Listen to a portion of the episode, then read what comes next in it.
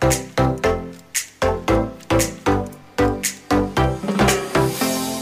Selamat sore sahabat kreatif. Gimana kabarnya untuk sore ini? Semoga sehat dalam keadaan yang baik aja Dan gak kurang satu apa pun Dan tetap semangat ya sahabat kreatif. Dan sahabat kreatif kurang lebih satu jam ke depan Kita bersama di Numpang Nampang untuk sore ini Edisi Senin 24 Agustus 2020 Dan kita sudah kedatangan narasumber ya sahabat kreatif. Sore ini tema kita ya Sore ini yaitu nasionalisme di ujung perbatasan Indonesia sahabat kreatif. Yang ingin bertanya boleh juga ya bergabung bersama kita di 082284254102. Halo, selamat sore. Selamat sore. Kita sudah kedatangan narasumber dari pengajar muda yaitu Sri Windari, sahabat kreatif dan juga Bapak Mayor Faidil. Nah, beliau ini dari TNI Angkatan Laut, sahabat kreatif beliau sebagai pewira staf potensi maritim. Harus semangat. Iya, harus semangat. Apa nih, Kak, kegiatan mengisi kemerdekaan nih? Ada nggak sih? Ada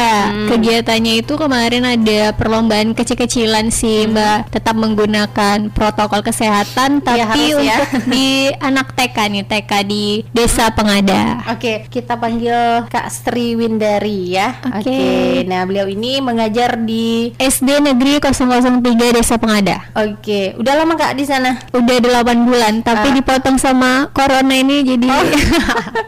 Jadi berapa bulan? lima bulan kali ya. Oh iya. Uh-um. Oke Pak, gimana kegiatannya selama ini mengisi Hari Kemerdekaan? Pastinya banyak sekali kegiatan ya. Biasanya dulu banyak ya, tapi sekarang kita masih di masa pandemi ya. Gimana ada nggak kegiatan kemarin Pak? Ya, ada, tapi intern kita sendiri, bahan perlombaan juga kecil-kecil Iya. antara anggota keluarga, keluarga besarnya Lanal. Mm-mm.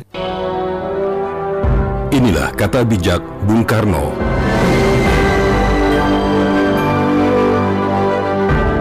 Berikan aku seribu orang tua, niscaya akan kucabut semeru dari akarnya. Berikan aku satu pemuda, niscaya akan kuguncangkan dunia. Dirgahayu Republik Indonesia. Meskipun kita berbeda, tapi kita tetap satu dalam kesatuan negara eh, kesatuan Republik Indonesia ya. Karena perbedaan itulah yang membuat kita ya saling bersatu. Jangan jadikan perbedaan itu sebagai jurang pemisah ya Pak. Oke. Nah sahabat kreatif, nah kita ke Pak Paidul dulu. Assalamualaikum warahmatullahi wabarakatuh. Waalaikumsalam. Selamat warahmatullahi sore para Sore. pendengar Pro 2 RRI Natuna. Oke. Untuk saya sendiri di Natuna ini sudah kurang lebih satu tahun lebih di Lanal-Lanai sebagai jabatan saya sebagai paspor mar potensi maritim. Eh, eh. Bapak dari mana ya Pak asalnya Pak? Asal saya as- aslinya Aceh. Ceritanya gimana nih Pak bisa sampai ke Natuna? Ya namanya kita TNI ya, di mana aja harus siap ya ditempatkan Iya, ya. harus siap ya. Harus siap.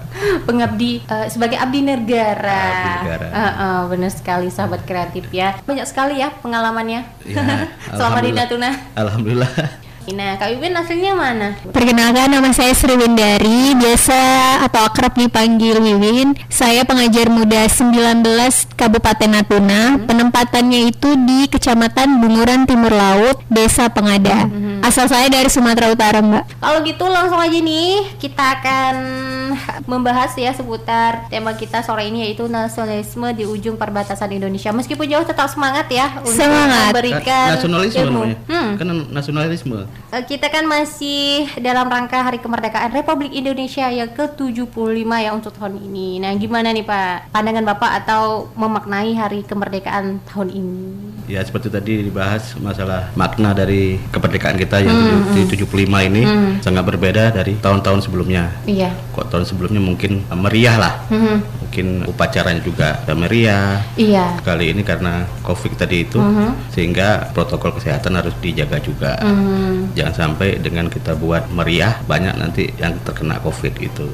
Iya benar sekali ya sahabat kreatif. Menurut Bapak nih Pak, gimana sih caranya agar kita gitu ya memupuk jiwa nasionalisme khususnya untuk anak di Natuna ya, khususnya untuk anak muda atau milenial nih Pak. Cara memupuk jiwa nasionalisme. Untuk nasionalisme ini kan sebenarnya kan pahamnya ini kan sangat luas ya, Mbak. Hmm, hmm. Uh, kita kalau di kita TNI kan mempertahankan kedaulatan. Hmm, hmm, untuk untuk untuk anak-anak muda ini. Ya banyak sih untuk nasionalisme yang pertama kita cinta tanah air dulu. Mm-mm. Seperti apa tuh Pak cara kita mencintai tanah air tuh? ya paling tidak kita promosikan Mhm. Indonesia kita ini ke negara luar dengan berbagai ilmu yang yang ada di anak-anak muda.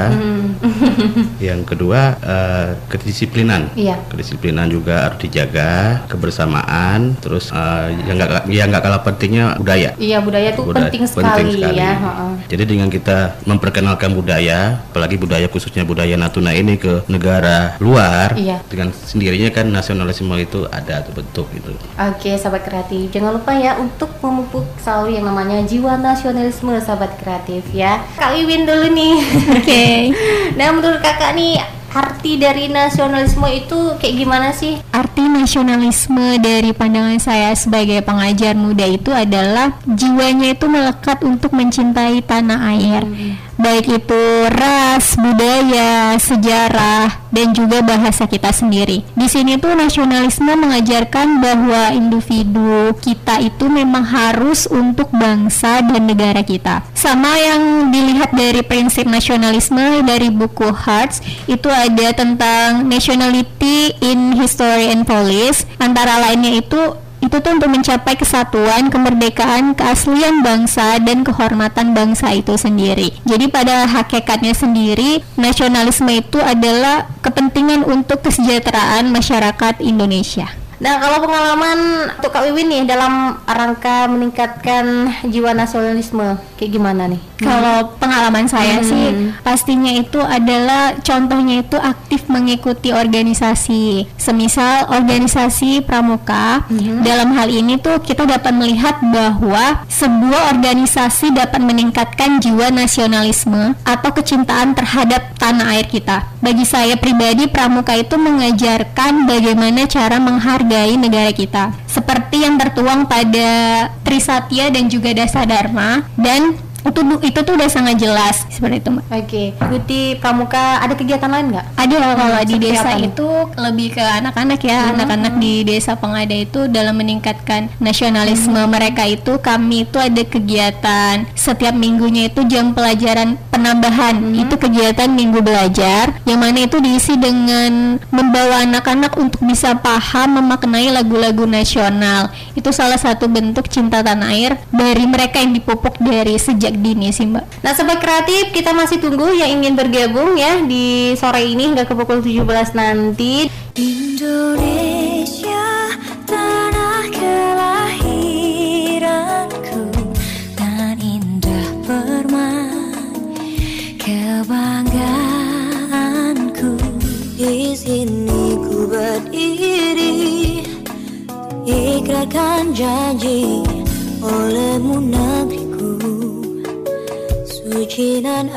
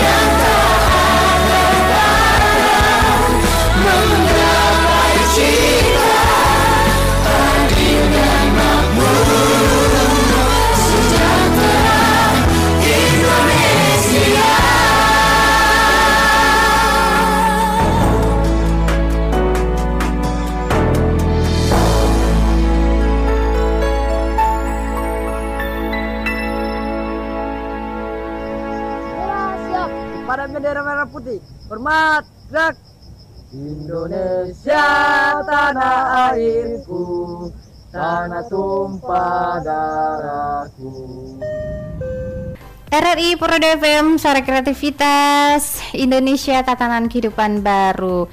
Dan sahabat kreatif kita masih bersama di sore ini Di acara Numpang Nampang. Ya masih seputar tema kita Nasionalisme di ujung perbatasan Indonesia. Ya nasionalisme itu sebagai pemahaman ya Untuk kita sahabat kreatif masyarakat tentang sebuah bangsa Yang memiliki sebuah keselarasan budaya dan juga wilayah Serta memiliki kesamaan dan tujuan cita-cita kita juga. Sehingga dengan tujuan itu semua timbullah rasa ingin mempertahankan bangsa dan negaranya. Aduh. Nah, sahabat kreatif, kita masih bersama ya narasumber kita ada Kak Wiwin dan juga ada Pak Faidil ya dari TNI Angkatan Laut dan juga Kak Wiwin ini sebagai pengajar muda. Ya, pastinya banyak sekali ya Kak pengalamannya selama mengajar. Alhamdulillah. Eh, eh, pengalamannya bisa diceritakan apa aja nih Kak? Kalau di sekolah pastinya mengajar dan mendidik anak-anak, belajar kreatif sama anak-anak, dan juga ikut aktif di kegiatan pendidikan yang diadakan masyarakat desa penempatan saya desa Pengada. Salah satu kegiatannya itu Minggu Belajar tadi, dan tujuannya pastinya untuk memupuk jiwa nasionalisme anak-anak di desa sejak usia dini. Iya, karena sesuatu itu emang harus di kita ajarkan sejak usia dini ya Pak. Iya, benar. Iya. Eh, eh, apa pun itu ya. Oh ya Pak, eh, kalau menurut Bapak sendiri nih arti nasionalisme tuh kayak gimana Pak? Ya, seperti saya tadi jelaskan sangat luas ya kok diartikan itu ya. Yang intinya seperti ini ya, pemahaman untuk mempertahankan suatu wilayah atau negara. Kalau untuk pengalamannya sendiri kayak gimana nih Pak Pengalaman. dalam meningkatkan jiwa nasionalisme nih? Ah, kalau pengalaman pribadi ini ya, ini sangat sangat ini ya. Saya kan orang Aceh nih. Kan dulu pernah dengar ya di Aceh itu ada gerakan peratis. Nah, jadi pengalaman saya bagaimana saya itu mengajarkan atau memberitahu teman-teman baik atau teman-teman atau saudara-saudara saya yang ada di sana itu untuk NKRI. Iya. Bagaimana caranya saya saya kasih wawasan, saya kasih pengertian seperti itu. Seperti apa tuh Pak eh, cara kita memberitahu mereka gitu? Taktiknya ya pendekatan, pendekatan, terus kita kasih wawasan tentang kebangsaan, terus gerakan eh, yang tadi separatis itu kita kasih tahu itu itu tidak benar, itu melanggar aturan hukum bahwa Aceh itu masuk dalam NKRI. Iya, benar tidak sekali tidak tidak benar mendirikan suatu negara di sana. Gitu. Iya. seperti itu. Bagaimana nih Pak nasionalisme di tengah wabah virus corona nih di penempatan perbatasan ini Pak? Saya rasa memang khusus di di saat pandemi, Pandemi ini, ini, uh-uh. pandemi ini ya banyak yang harus eh, pertama kita harus disiplin tadi itu. Iya. Disiplin dalam hal ya disiplin protokol kesehatan, mentaati regulasi pe- dari pemerintah, aturan-aturan yang sudah itu sehingga sama-sama lah kita bersama-sama untuk menjaga supaya wabah dari virus ini Iya. tidak banyak menyebar.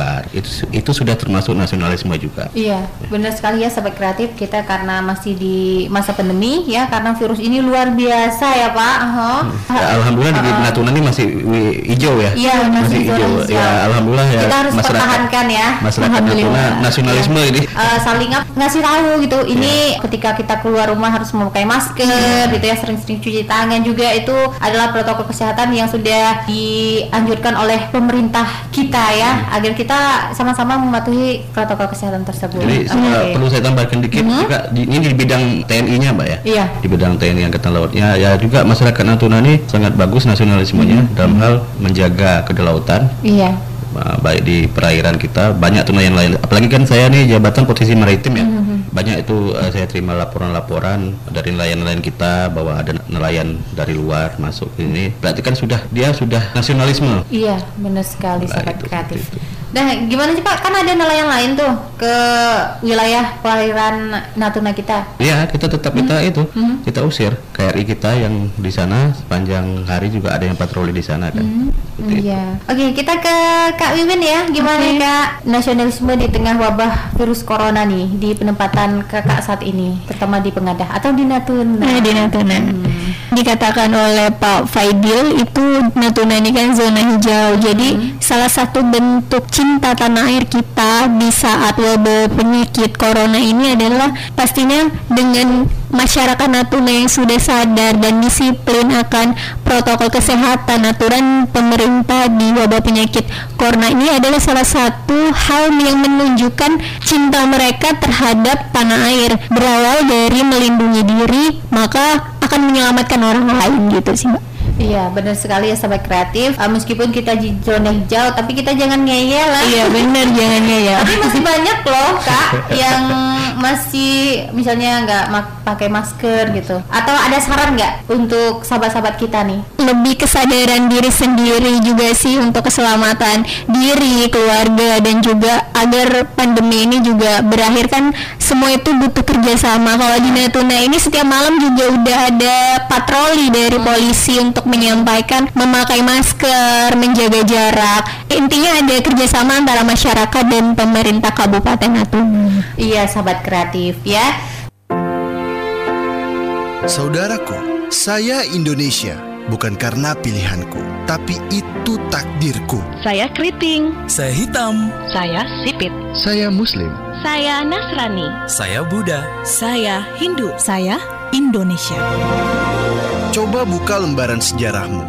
Carikan saya fakta kalau kita tidak majemuk. Tanah ini diizinkan untuk diinjak oleh perbedaan. Perbedaan budaya. Perbedaan bahasa. Jadi, jangan rekat aku dengan paksa, tapi terima aku dengan rasa. Saya menolak untuk diamkan ketidakadilan yang dibisakan, perlakuan yang dibedakan. Itu tidak pernah dibenarkan. Seolah kita menyalahkan Sang Pencipta perbedaan. Masihkah kita mengingkari itu? Kami NKRI sekarang dan selamanya. Uh.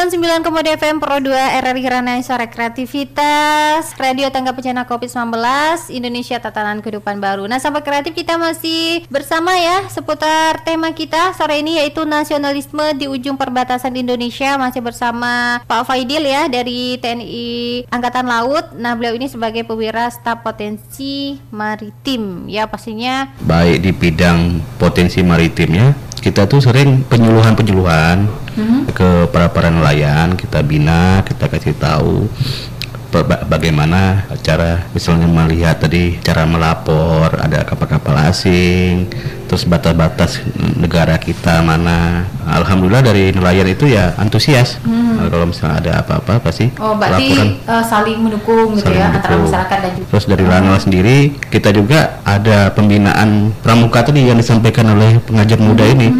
Kalau di Lanal itu kan ada Saka Bahari. Iya Nah, dengan itu kita memupuk tadi nasionalisme. Yang ketiga eh, kita juga pernah membuat bela negara Mhm. Di mana tuh Pak? eh, tahun kemarin di Selat Lampa.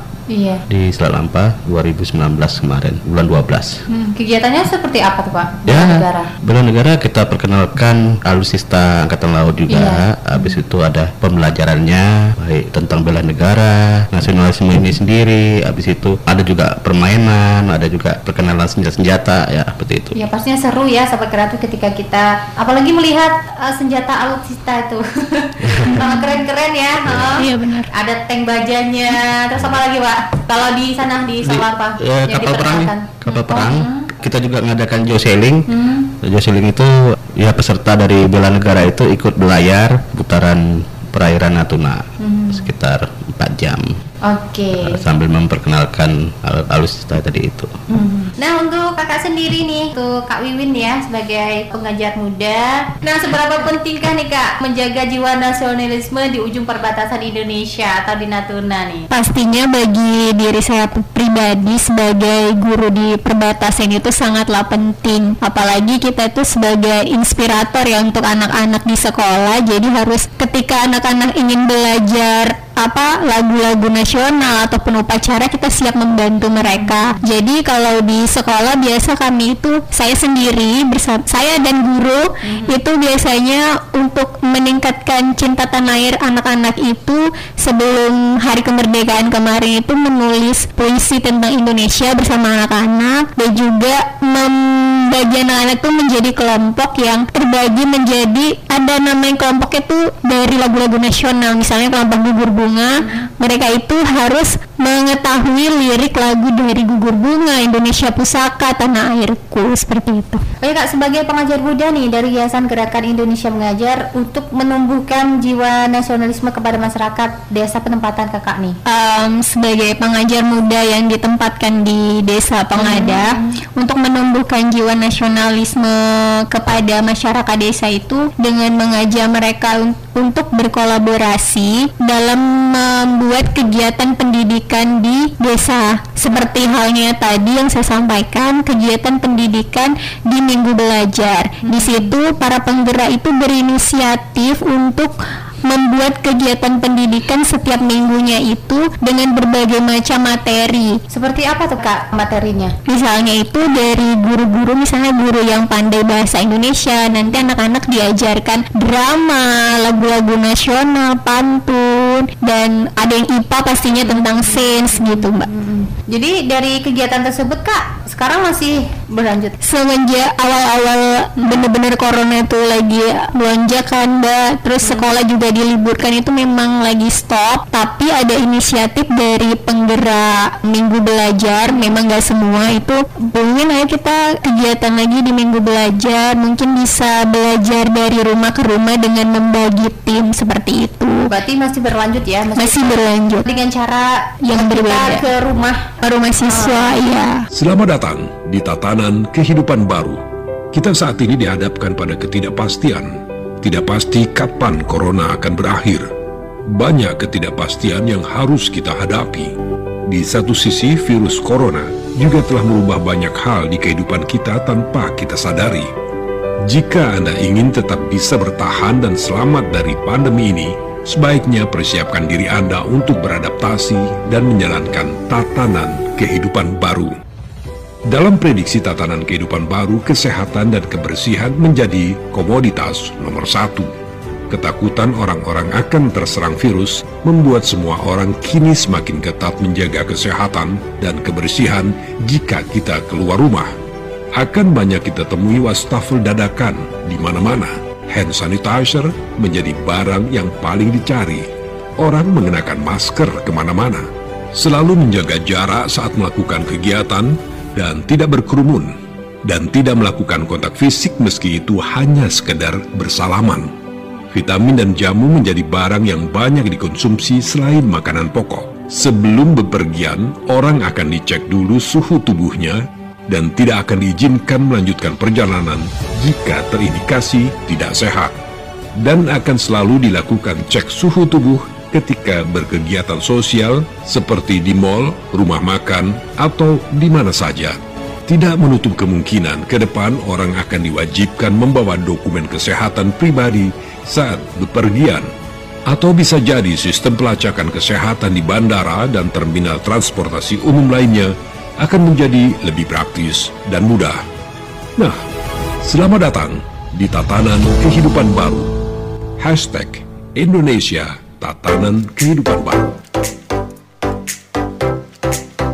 Masih di acara numpang-nampang untuk sore ini sahabat kreatif ya. Kita masih di tema kita ya nasionalisme di ujung perbatasan Indonesia. Tadi sudah kita dengarkan juga ya sahabat kreatif pengalaman dan juga apa sih yang harus kita lakukan agar jiwa nasionalisme itu terus ada pada diri kita sahabat kreatif pada individu masing-masing. Karena rasa cinta kita kepada tanah air itu pasti harus kita ah, kita pupuk dari sejak dini ya Iya, benar. sahabat kreatif kita ke Kak Wiwin nih gimana sih Kak pandangan ya tentang jiwa nasionalisme nih di masyarakat terutama di tempatan kakak mengajar Oke. Mhm. Saya pribadi sebagai orang yang datang di desa Pengadah itu sangat bangga terhadap masyarakat desa itu karena sudah ada inisiatif menunjukkan cinta tanah air untuk Indonesia. Apalagi sebelum hari kemerdekaan, memasuki bulan Agustus ini mereka itu tanpa diperingati sudah sadar untuk memasang bendera di depan rumahnya dan semangat kalau untuk anak-anak ke sekolah itu mereka tuh semangat untuk mengantar dan menjemput anaknya di sekolah dan ketika ada forum diskusi untuk kemajuan desa dan pendidikan mereka itu sangat antusias untuk datang dan ikut serta dalam kegiatan tersebut mereka juga semangat walaupun di wabah virus corona ini melihat berita HUT RI ini di televisi dan juga mendengar di radio Natuna. Iya sahabat kreatif ya itu tadi seputar pandangan ya dari kakak kita seputar jiwa nasionalisme ya terutama di masyarakat kita di Natuna. Nah dengan cara memasang bendera itu mulai dari tanggal 1 kalau nggak Iya, salah ya tanggal harus satu. harus kita pasang ya. Pasang sebulan ya. Iya, Pak, ya? satu bulan. Satu bulan. Oh.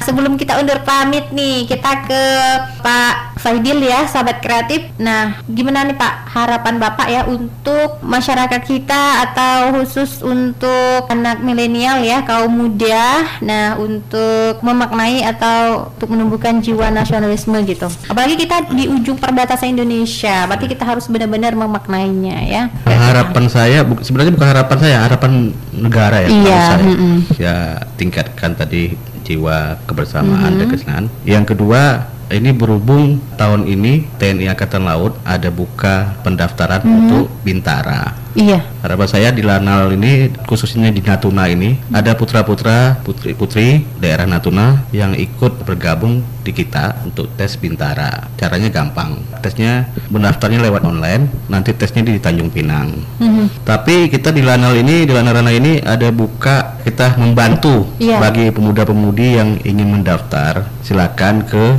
Lanal, kita bina, kita kasih tahu, kita ajarkanlah, kita bimbing bagaimana tesnya dari lari, dari administrasi, dari kesehatan. Nah, itu kita ajarkan semua. Diharapkan ya putra dari putra putri dari Natuna ini ada yang masuk. Itu harapan harapan saya dan harapan TNI Angkatan Laut. Terakhir daftar ulangnya 1 September. 1 September nanti ya sahabat kreatif buat kamu yang ingin mengikuti ya silakan aja daftarnya online ya Online. Pak. Oke. Untuk pembinaan atau belajar Iya. bisa ke Lanal nanti. Ya langsung ke sana ya.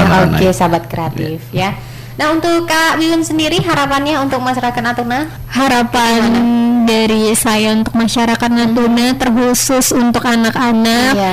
itu adalah pastinya luangkan waktu itu untuk lebih mengenal Indonesia dengan cara yang sederhana seperti memutar lagu-lagu nasional di handphone, belajar mengetahui hari-hari nasional, hari-hari peringatan besar nasional, terus memaknai makna Pancasila itu sendiri dan memaknai janji sebagai siswa dan pelajar. Dan di sini itu pastinya peran orang tua dan guru untuk perkembangan anak itu sangatlah penting untuk mengawasi mereka. Apalagi di zaman internet yang canggih ini memang harus benar-benar diingati untuk mendapat jiwa nasionalisme yang luar biasa untuk anak. Itu, Mbak. Karena media sosial itu luar biasa. Iya. Nah, ada yang positifnya dan ada yang negatifnya. Yang negatifnya. Tapi kita harus mengambil atau belajar yang positifnya, yang Iya. negatifnya ya mending kita buang jauh-jauh ya. Buang. Ah, agar kita menjadi pribadi yang baik sahabat kreatif.